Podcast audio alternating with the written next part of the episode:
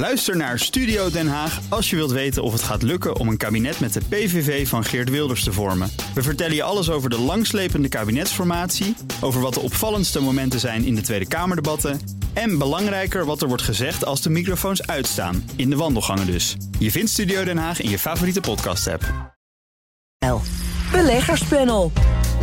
En dat beleggerspanel buigt zich over de historische koersval van betaalbedrijf Adyen. En de Amerikaanse belegger Michael Burry, bekend van The Big Short, gokt op een koersdaling van de Amerikaanse beurs. Dat en meer dus met de leden van het panel Corné van Zel van Cardano en Reiner Wietsma van IBS Capital. Welkom heren. Dankjewel. Laten we voordat we die thema's bespreken vooral even stilstaan bij uh, treurig nieuws. Uh, namelijk het feit dat een gewaardeerd lid van dit panel... en ook vaste adviseur in BNR Zaken doen, Marco Groot, is overleden. Op 55-jarige leeftijd uh, aan de gevolgen van kanker. Uh, hebben jullie ook als redactie uitgenodigd... omdat jullie beiden Marco goed kennen. als jij het moet typeren, Corné, wat voor man was het? Nou, in ieder geval een uniek man. Uh, en ik denk dat je op veel manieren veel van hem kan leren. Als je wil hardlopen, kon je veel van hem leren. Hoewel hij veel te hard ging voor menigeen. Uh, even in de voorbespreking. We zijn allebei uh, door hem een keer opgejaagd tijdens de wedstrijd. En allebei met dezelfde afloop dat we veel te hard liepen, maar wel een briljante tijd neer hadden gezet. Uh, maar wat ik vooral herinner is twee dingen. Het vuur in zijn ogen, wat hij altijd had. Er brandde altijd een vuurtje, er was altijd vol met energie. Uh, en het tweede wat ik heel bijzonder vind... en waar menigeen wat van kan leren... is dat hij toch op 44-jarige leeftijd... dan sta je op het toppunt van je carrière... met je hoofd van aandelen, Rabo... en dan zeg je gewoon, ik stop ermee, ik vind het best. En nou, hij kon het zich financieel veroorloven. En, maar dat kunnen veel mensen. Maar hij besloot gewoon om zijn carrière daar te stoppen. En gewoon dingen te doen waar hij veel meer energie van kreeg. Ja. Ja, zou... in het, in het uh, in memoriam in het FD stond, hij kon het zich inderdaad veroorloven. Omdat hij altijd wist, er komt misschien een moment dat ik als hoofdaandelen van een bank overbodig word, dat de boel wordt geautomatiseerd. Ik heb geen hoge hypotheek, ik heb geen boot, omdat ik graag een vrije jongen wilde zijn. Ja, ik zit een beetje zelden in elkaar, maar ik heb mijn baan nog niet opgezegd. Maar ik denk dat ja, als je het niet zo naar je zin hebt en als je denkt van god, ik kan leukere dingen met mijn leven doen of een betere inhoud geven aan mijn leven, dan. Ik hoorde van een week iemand zeggen van ja, op mijn grafsteen komt waarschijnlijk te staan dat ik 35 jaar lang de VWeb heb verslagen. Dat is gemiddelde handelskoers op een dag. Uh, en ik denk, ja, als, als dat je op je grafsteen staat, dan moet je toch wel heel goed nadenken of je het voorbeeld van Marco niet uh, wat eerder moet volgen. Reiner, wat wil jij zeggen over Marco? Nou, ik ken hem eigenlijk uit de tweede helft van dat stuk. Als ik, ik wist dat hij bij de Rabobank had gewerkt, maar ik heb hem zes jaar geleden leren kennen. Uh, juist in de tijd dat hij dingen aan het doen was die hij leuk vond. En hij kwam in die hoedanigheid ook regelmatig bij IBS, waar ik werk, uh, langs. Dan gaf hij hardlooptrainingen, maar soms ook ongevraagde adviezen. En hij was heel goed ingevoerd in de financiële industrie vanuit zijn, zijn geschiedenis. Dus hij kende heel veel mensen. Uh, maar had vooral een enorm unieke kijk ook op het leven en op nou ja, dingen die hij van van alles vond, die hij ook hier met plezier deelde. Um, en zo zijn wij ook met elkaar in contact gekomen. En ja, uit, op de een of andere manier kreeg hij het voor elkaar om een heel natuurlijke mentor ook wat dat betreft te zijn. En uh, te inspireren met de keuzes die hij maakte en uh, nou ja, hoe hij naar dingen keek. En, en ja, zijn netwerk was, was gigantisch. En dat merk je ook nu in de, in de laatste dagen, hoeveel mensen hij uh, nou, geraakt heeft. Hij deelde die zaken graag, maar ja. altijd grondig voorbereid. Niet omdat hij ergens een stukje in de krant gelezen had. Als ik kijk naar hoe hij hier deelnam aan het beleggerspanel, of hij ongevraagde adviezen gaf, dan belden we hem s ochtends. En een paar uur later moest hij dan met een goed gefundeerd, gegrond advies komen. Nou, dan had hij toch een partij zaken bekeken en bestudeerd. Dat is eigenlijk onnavolgbaar als je kijkt, uh, jaarrekeningen, verslagen van ver terug. Ja. En dan kreeg ik soms achteraf ook nog een, een, mailtje van hem... dat hij zei, ja, er was niet genoeg tijd... Uh, maar ik had graag ook nog dit willen zeggen... en kijk nog eens daarnaar. Wel typerend. Ja, heel, heel relaxed, maar ook bloedfanatiek. En dat is een hele mooie combinatie... die, uh, die weinig op die manier gegeven is. En zeker, ja, zeker in de tijd dat hij dingen aan doen was die hij leuk vond, kon hij zich ook echt vastbijten. En hij wist al een tijdje dat hij, dat hij ziek was, maar hij maakte zich het liefst nog druk om de, nou ja, de kleine dingen of de frustratie om het, het woonbeleid of dit of wat niet goed was. Maar daar had hij veel passie voor en dat was, was hartstikke leuk. Zijn ziek zijn werd bij voorkeur ook niet besproken. Hè? Dat was eigenlijk ook logisch, maar geen enkel gespreksonderwerp, al jarenlang niet. Nee, inderdaad. Dat kan ik wel over meepraten. Want ik wist het dus gewoon ook niet. En de laatste keer dat ik hem heb gesproken, heb ik het ook niet gemerkt. En dus wat dat betreft zegt dat ook wel genoeg. Hij gaat uh, gemist worden in dit panel en als uh, adviseur in dit programma en ook ver daarbuiten. Ehm, ter ere van Marco zullen we zijn laatste ongevraagde advies later in dit programma zo rond tien over twee uitzenden. We gaan nu met jullie welnemen door met dit panel, want het leven gaat ook door. Ehm, de laatste transactie, weet je wat? omwille van de tijd zal ik Reiner jou overslaan, want er is geen laatste transactie. Nee, weet um, niet. Corné, wat is jouw laatste transactie? Ja, ik, ik mag niet zoveel. Of, ik, ik mag binnenkort geen privé-transacties meer doen in individuele aandelen. Dus ik heb nog maar even de gelegenheid uh, te baat genomen om nog wat extra uh, flow traders te kopen. op zich moet je nooit een aandeel kopen wat in een neerwaartse trend zit. Dat zit flow wel. Maar ik vind het heel erg goedkoop. Dividendrendement is mooi. De verwachtingen zijn erg somber van iedereen. en dit is een, ja, een beetje een, een crashbestendig aandeel. Op het moment dat er even maar even cru gezegd, de pleuris uitbreekt, moet je dit aandeel hebben. Want dan gaan ze echt het grote geld verdienen. er gebeurt nu eigenlijk niks natuurlijk. Hè? Nee, is gebaat bij schommelingen. Ja, en die, die schommelingen, het gaat naar beneden, maar heel bescheiden. Het moet met grote klappen gaan. Dan maken zij ook de grote klappers. Uh, en dat is nu nog niet zo. Maar ja, ik sluit niet uit dat het nog wel kan gaan gebeuren. En daarbij, je hebt gelijk een automatische bescherming. Ik heb ook wat put-opties. Die kosten altijd geld, omdat je, je je tijdspremie eruit loopt. En dit is eigenlijk een soort put-optie zonder dat geld kost, maar juist geld oplevert door het dividendrendement. Als je toch op zoek bent naar grote klappers, naar boven of naar beneden. Ja. Zullen we het maar eens over Adyen hebben? Want eh, de koers van dat aandeel daalde vorige week donderdag met 39 procent. Herstelde ook niet de dagen na afloop. Vandaag zie je een klein plusje. Het zou gaan. Ja, kijk toch nog even naar, naar Corné. Maar Reindrik ben je niet vergeten. Maar jij bent toch de man van, van, eh, van ook de, de feitjes en de geschiedenis. En de historische context. Om de grootste koersval in 10, 20 jaar tijd? Misschien nou, nog wel meer? Als je gaat kijken naar de koersval in beurswaarde van een Nederlands fonds, is dit het, grootste. Er ging 19 miljard in een dag vanaf. Iedereen verwijst naar Ahold. Maar het was maar 10 miljard destijds, dus er kon geen 19 miljard af. Maar die boekhoudfraude die liet Die boekhoudfraude, toen ging er 75% van de koers af. En eh, dat, dat heeft Adyen niet gehaald, inderdaad. Dus in percentage zijn ze niet de grootste, maar in, in uh, ja, vernietiging van beurswaarde, of voor zover je van vernietiging kan spreken, uh, was dit wel de grootste klap ooit. Ja. wat zijn de belangrijkste verklaringen voor die koersval? Nou, ik denk de beleggers krijgen bij Artje eigenlijk maar twee keer per jaar een update van hoe het gaat. En dit waren de halfjaarcijfers. Dus dan is het ook altijd een spannend moment om te kijken hoe nou ja, de, de stand, wat het stand van het, uh, het bedrijf is.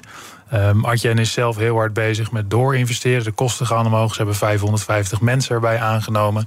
En nou, die kosten die gaan voor de baat uit. Dat wisten we. Daar was het afgelopen kwartaal ook al wat nou disappointment, wat teleurstelling in dat de marges daardoor ook naar beneden gingen. Het is wel, het is wel te verklaren natuurlijk. Als je zegt uh, de war for talent raakte ook Arjen. En we willen graag goed voorbereid zijn op de toekomst. Er horen ook goede mensen bij. Dus hoort er ook een goed salaris bij. Zeker. En Arjen zegt, we kunnen die mensen nu krijgen. Dus we gaan ook door met investeren. Wij hebben verder ja, de, markt niet nodig. Dus we trekken ons ook niks van aan. En wij, wij leggen het plan neer dat we willen doen. Het andere component was, en ik denk dat dat er nog meer in heeft gehakt... is dat de groei in voornamelijk Noord-Amerika tegenviel. En dan specifiek in het stuk, dat gaat om de digitale business. Dan kun je denken aan de booking.coms van deze wereld. Die schijnen nou ja, volume te hebben weggehaald bij Arjen en die kunnen dat relatief eenvoudig verplaatsen naar concurrenten. JP Morgan Pay, maar ook Braintree, is onderdeel van PayPal. En het feit dat daar de groei een heel stuk lager was. Want de periode vergelijkbaar vorig jaar was de groei 55% in Noord-Amerika, nu 21% is een behoorlijk nog steeds groei. En er is niemand weggegaan bij Artje. Maar het feit dat het zo makkelijk gaat en dat er ook echt om prijs geconcurreerd wordt. En dat is iets wat beleggers niet fijn vinden. Lagere marges en, minder volume.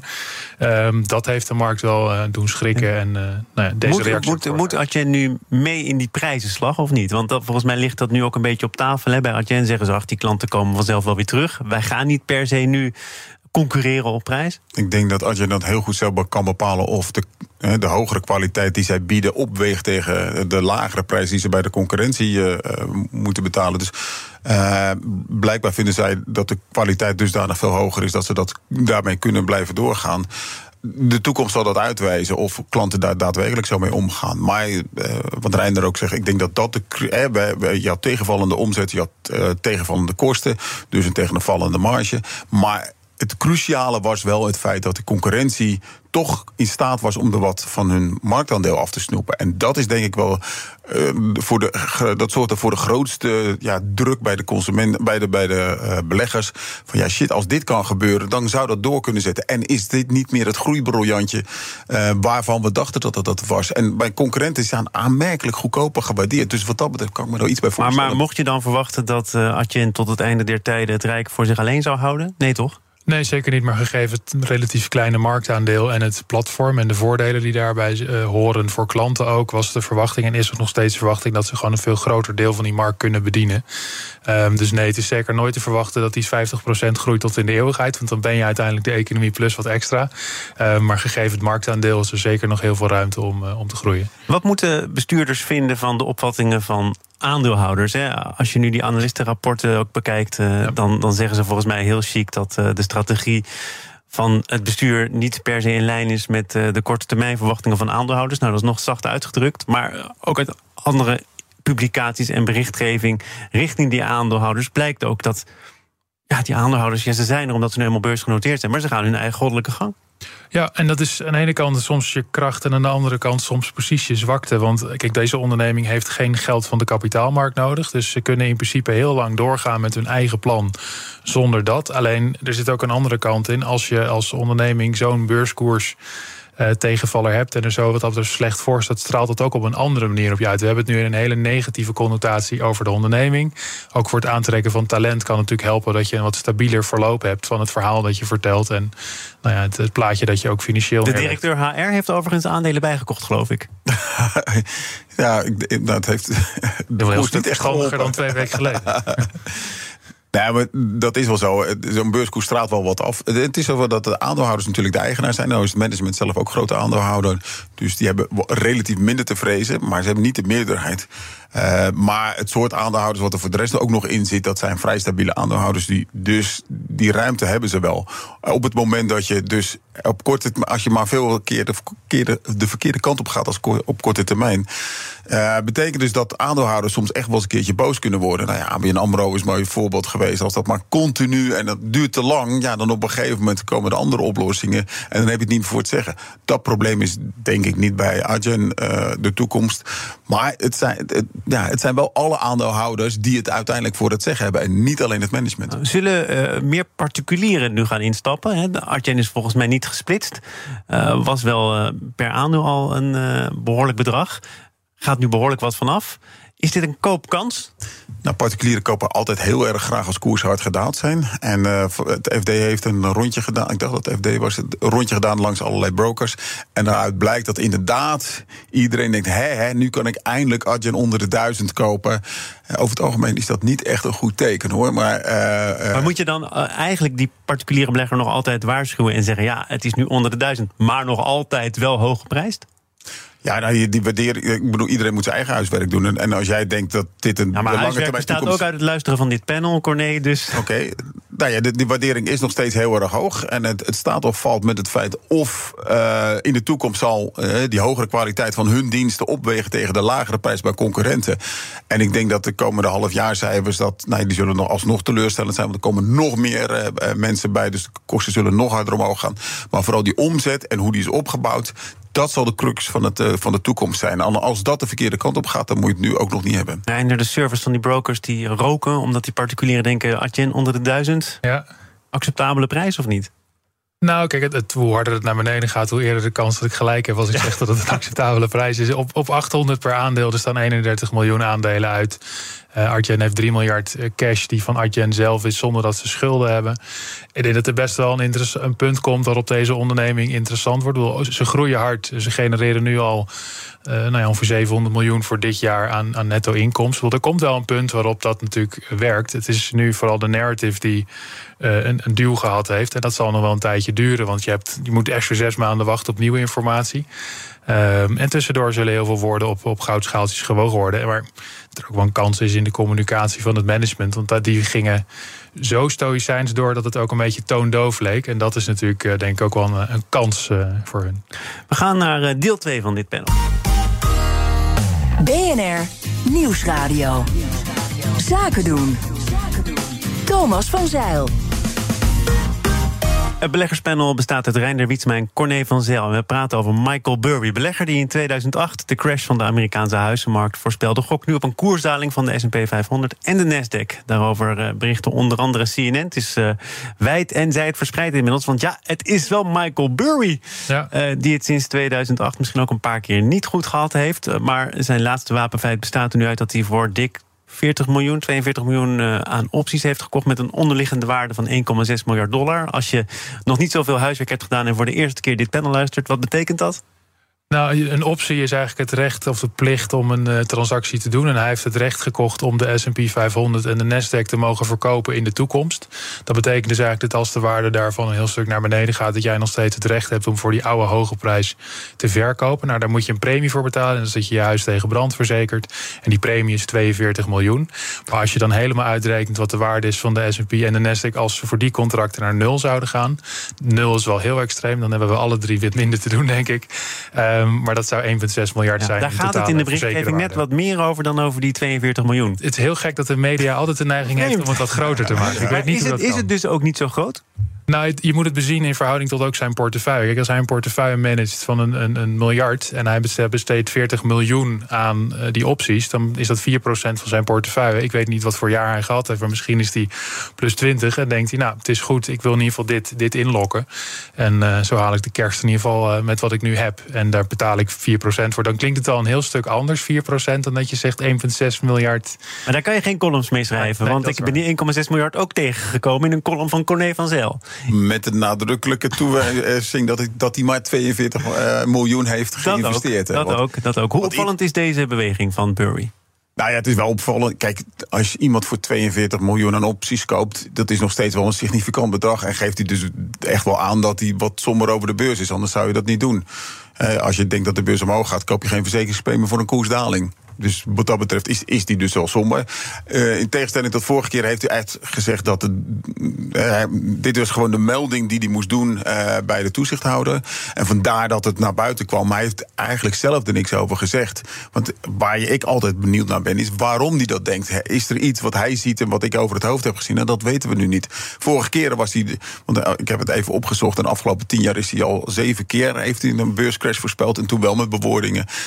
maar dat, dat is dus dit keer niet zo. Uh, overigens, die andere zeven keer kwam ook niet uit. Nee, dus- maar daarover kun je uh, zeggen en zelf schrijven in diezelfde column. U weet hoe het met voorspellingen van beursgoeroes gaat. Ze hebben nooit ongelijk. Het duurt alleen nog even voordat de rest van de beleggers het snapt. Ja, nou ja, dat was in 2005 zeker het geval. Toen waarschuwde hij over de huizenbubbel. Uh, en is daar maar door op blijven inzetten. En uiteindelijk kwam die huizenbubbel. En die kwam ook goed ook. En de hele financiële wereld stond te schudden. En heeft hij een godsvermogen verdiend uh, met die call die hij gemaakt heeft. Maar toen had hij ook echt duidelijk betere inzichten dan de rest. Uh, als je wil weten hoe hij dat heeft gedaan. Ik zou zeggen, kijk naar de film Big Short. Ja, goede film. Prachtig om te zien hoe, ja, maar hoe in-depth research echt naar die mensen toe gaan. Om te kijken waar, waarom iemand zo'n enorme hypotheekschuld heeft genomen. En kan hij dat echt betalen? En toen schrok hij zich hey, ja, behoorlijk. En, en uh, vervolgens is die positie nog gaan, verder gaan vergroten. En uiteindelijk heeft hij daarmee verdiend. Ik vraag me af of dat bij de beurs ook zo is. Hoe kijk jij naar de woorden van uh, Burry? Want uh, ja, je kunt zeggen, hij zit er dus vaak naast. Hij heeft het ook een paar keer heel erg goed gehad. Hij heeft zich nu niet nader uitgelaten over waarom hij doet wat hij doet. Ja. Is het jou veel waard? Nee, ik denk dat er geen extra waarde in zit in het feit dat hij deze transactie heeft gedaan. Eén, omdat het in samenhang kan zijn met zijn hele portefeuille. Twee, het is een generieke nou ja, transactie als in de S&P 500. Um, ik ga er altijd vanuit dat aandelen in elke willekeurige periode heel hard omhoog en heel hard naar beneden kunnen. En ik denk als je verder je eigen proces uh, draait, dat je daar niet te druk om moet maken. Dus als belegger zelf uh, vind ik het grappig om te zien, maar daar blijft het dan, uh, dan bij. We gaan tot slot even naar Europese beurzen. Want in het eerste half jaar van 2023 gingen 34 bedrijven de Europese beurs op. blijkt uit onderzoeksgegevens. En de beurs in Amsterdam heeft de afgelopen vier vier kwartalen, afgelopen jaar dus, geen enkele beursintroductie mee mogen maken. Vanwaar dat uh, totale gebrek aan enthousiasme, Reinder? Ik denk tweeledig. Eén, uh, hebben we natuurlijk een periode gehad waarin alles wat nou ja, bijna kon bewegen naar de beurs kon komen. Via SPAC, zeker ook in Amerika. En dat is eigenlijk die hele pool forward geweest. Dus iedereen die er bijna klaar voor was, was er op dat moment zeker klaar voor. Want er lagen aantrekkelijke prijzen uh, en er was veel kapitaal beschikbaar. Nou, nu hebben we eigenlijk een nou ja, 180 graden gemaakt. Uh, kapitaal is een heel stuk duurder geworden. Het scepticisme is een heel stuk groter. En alles wat rond Sparks en uh, nieuwe IPO's is geweest, staat ook een heel stuk lager. Dus die interesse is van dat opzicht ook gewoon veel lager. Um, en dus techbedrijven hebben het moeilijk, technologiebedrijven. Waarderingen worden lager. Dan zul je het in de private market natuurlijk ook zien dat die waarderingen naar beneden moeten. Mensen prijzen liever omhoog erbij dan naar beneden. Uh, dus dan wachten we even en hopen we dat het klimaat aantrekt. Maar het klimaat is duidelijk heel anders dan uh, nou ja, 18 maanden geleden. Vorige week ging het in dit panel even over SDEC, maakt montagesystemen voor zonnepanelen. Uh, Nederlands bedrijf van origine met grote Amerikaanse plannen. Maar er zal toch wel geprobeerd zijn om zo'n Nederlands bedrijf te verleiden voor Amsterdam te kiezen, Corné, of niet? Ja, nou, dit is dan een specifiek geval. En ik kan me voorstellen als Amerikanen bereid zijn om een veel hogere waardering te betalen dan hier in Nederland. Waar Nederland zijn we over het algemeen nogal sceptisch. Ja, dan zou ik ook lekker naar Amerika gaan. Blackstone zit er overigens ook eh, in, hè, dus die zullen misschien nog ook een voorkeur hebben voor Amerika. Maar toch. Ja, dat denk ik ook. Uh, overigens moet je wel bedenken dat wereldwijd uh, die hele IPO-markt redelijk droog staat. Uh, het, ik denk dat het staat of valt met ARM, wat binnenkort naar de beurs eh, toe gaat. Als dat een succes is, want de, de wachtrij met volgende, tot en met Birkenstocks aan toe, die willen allemaal naar de beurs toe. Echt, de lijst is heel erg lang. Als ARM een, een succes zal zijn, zal de rest snel volgen en zal je best een, op voorwaarde dat de beurs ook bij een beetje goed blijft liggen en het sentiment goed is, dan zullen er veel meer fondsen komen en dan ook naar Amsterdam. ARM, dat is die, die chipontwerper, geloof ik, hè, die eerst overgenomen zou worden door Nvidia, ging niet door. En nu probeert Softbank, dat het in 2016 van de beurs haalde, het weer opnieuw naar de beurs te brengen. Ja, ze denken er iets uh, van 10 miljard voor te krijgen voor hun belang. Dat betekent dat de totale waarde 60 tot 70 miljard zou zijn. Dat zou de derde grootste tech-IPO ooit worden. Uh, meneer Son wil wel vaker wat, uh, maar het is niet altijd gezegd dat hij dat gaat, gaat krijgen. Als je overvraagt en dit wordt een mislukking, betekent dat ook gelijk een domper op de rest van de IPO-markt. Hoe bepalend is dat? Een succesvolle lancering van uh, ja, als ze zeker het signaal geven dat er weer een stukje bereidwilligheid is om dit te doen. Want deze, de waardering waarop ARM nu nou ja, wordt ge, ge, gefloot is een, is een hele stevige. Uh, dus het is ook wel weer een test voor het enthousiasme. Maar als je in de, in de markt kijkt, je noemde net Nvidia. Uh, daar is waardering ook nog niet een heel limiterende factor. uh, dus dat, dat zou ik zomaar wat het enthousiasme kunnen brengen. Om twee uur meer over die voorgenomen beursgang van ARM of ARM voordat het zover is, uh, moet ik wel weten hoe ik het dan moet uitspreken, heren. Maar goed, daar komen we wel uit. Corné van Zel van eh, Cardano en Reiner Wietsma van IBS Capital. Dank voor jullie komst en tot snel. Beleggerspanel wordt mede mogelijk gemaakt door Annexum. Al meer dan 20 jaar de aanbieder van vastgoedfondsen. Dit panel is ook te beluisteren als podcast. Abonneer je vooral even via je favoriete kanaal of via de BNR-app. Zometeen eh, gaat het over de Zaanse koffiezaak Zuivere Koffie. Daar werken ex-gedetineerden. Hoe houdt ondernemer Jemuel Lampen zijn medewerkers op het juiste pad? Ook Liesbeth Staats vind je in de BNR-app. Ja, heel handig. Luister live naar Kees en mij tijdens de Daily Move. Dan blijf je ook gelijk op de hoogte van breaking news en het laatste zakelijke nieuws. En daar vind je ook alle BNR-podcasts, waaronder de Perestrooikast. Download nu de gratis BNR-app en blijf scherp.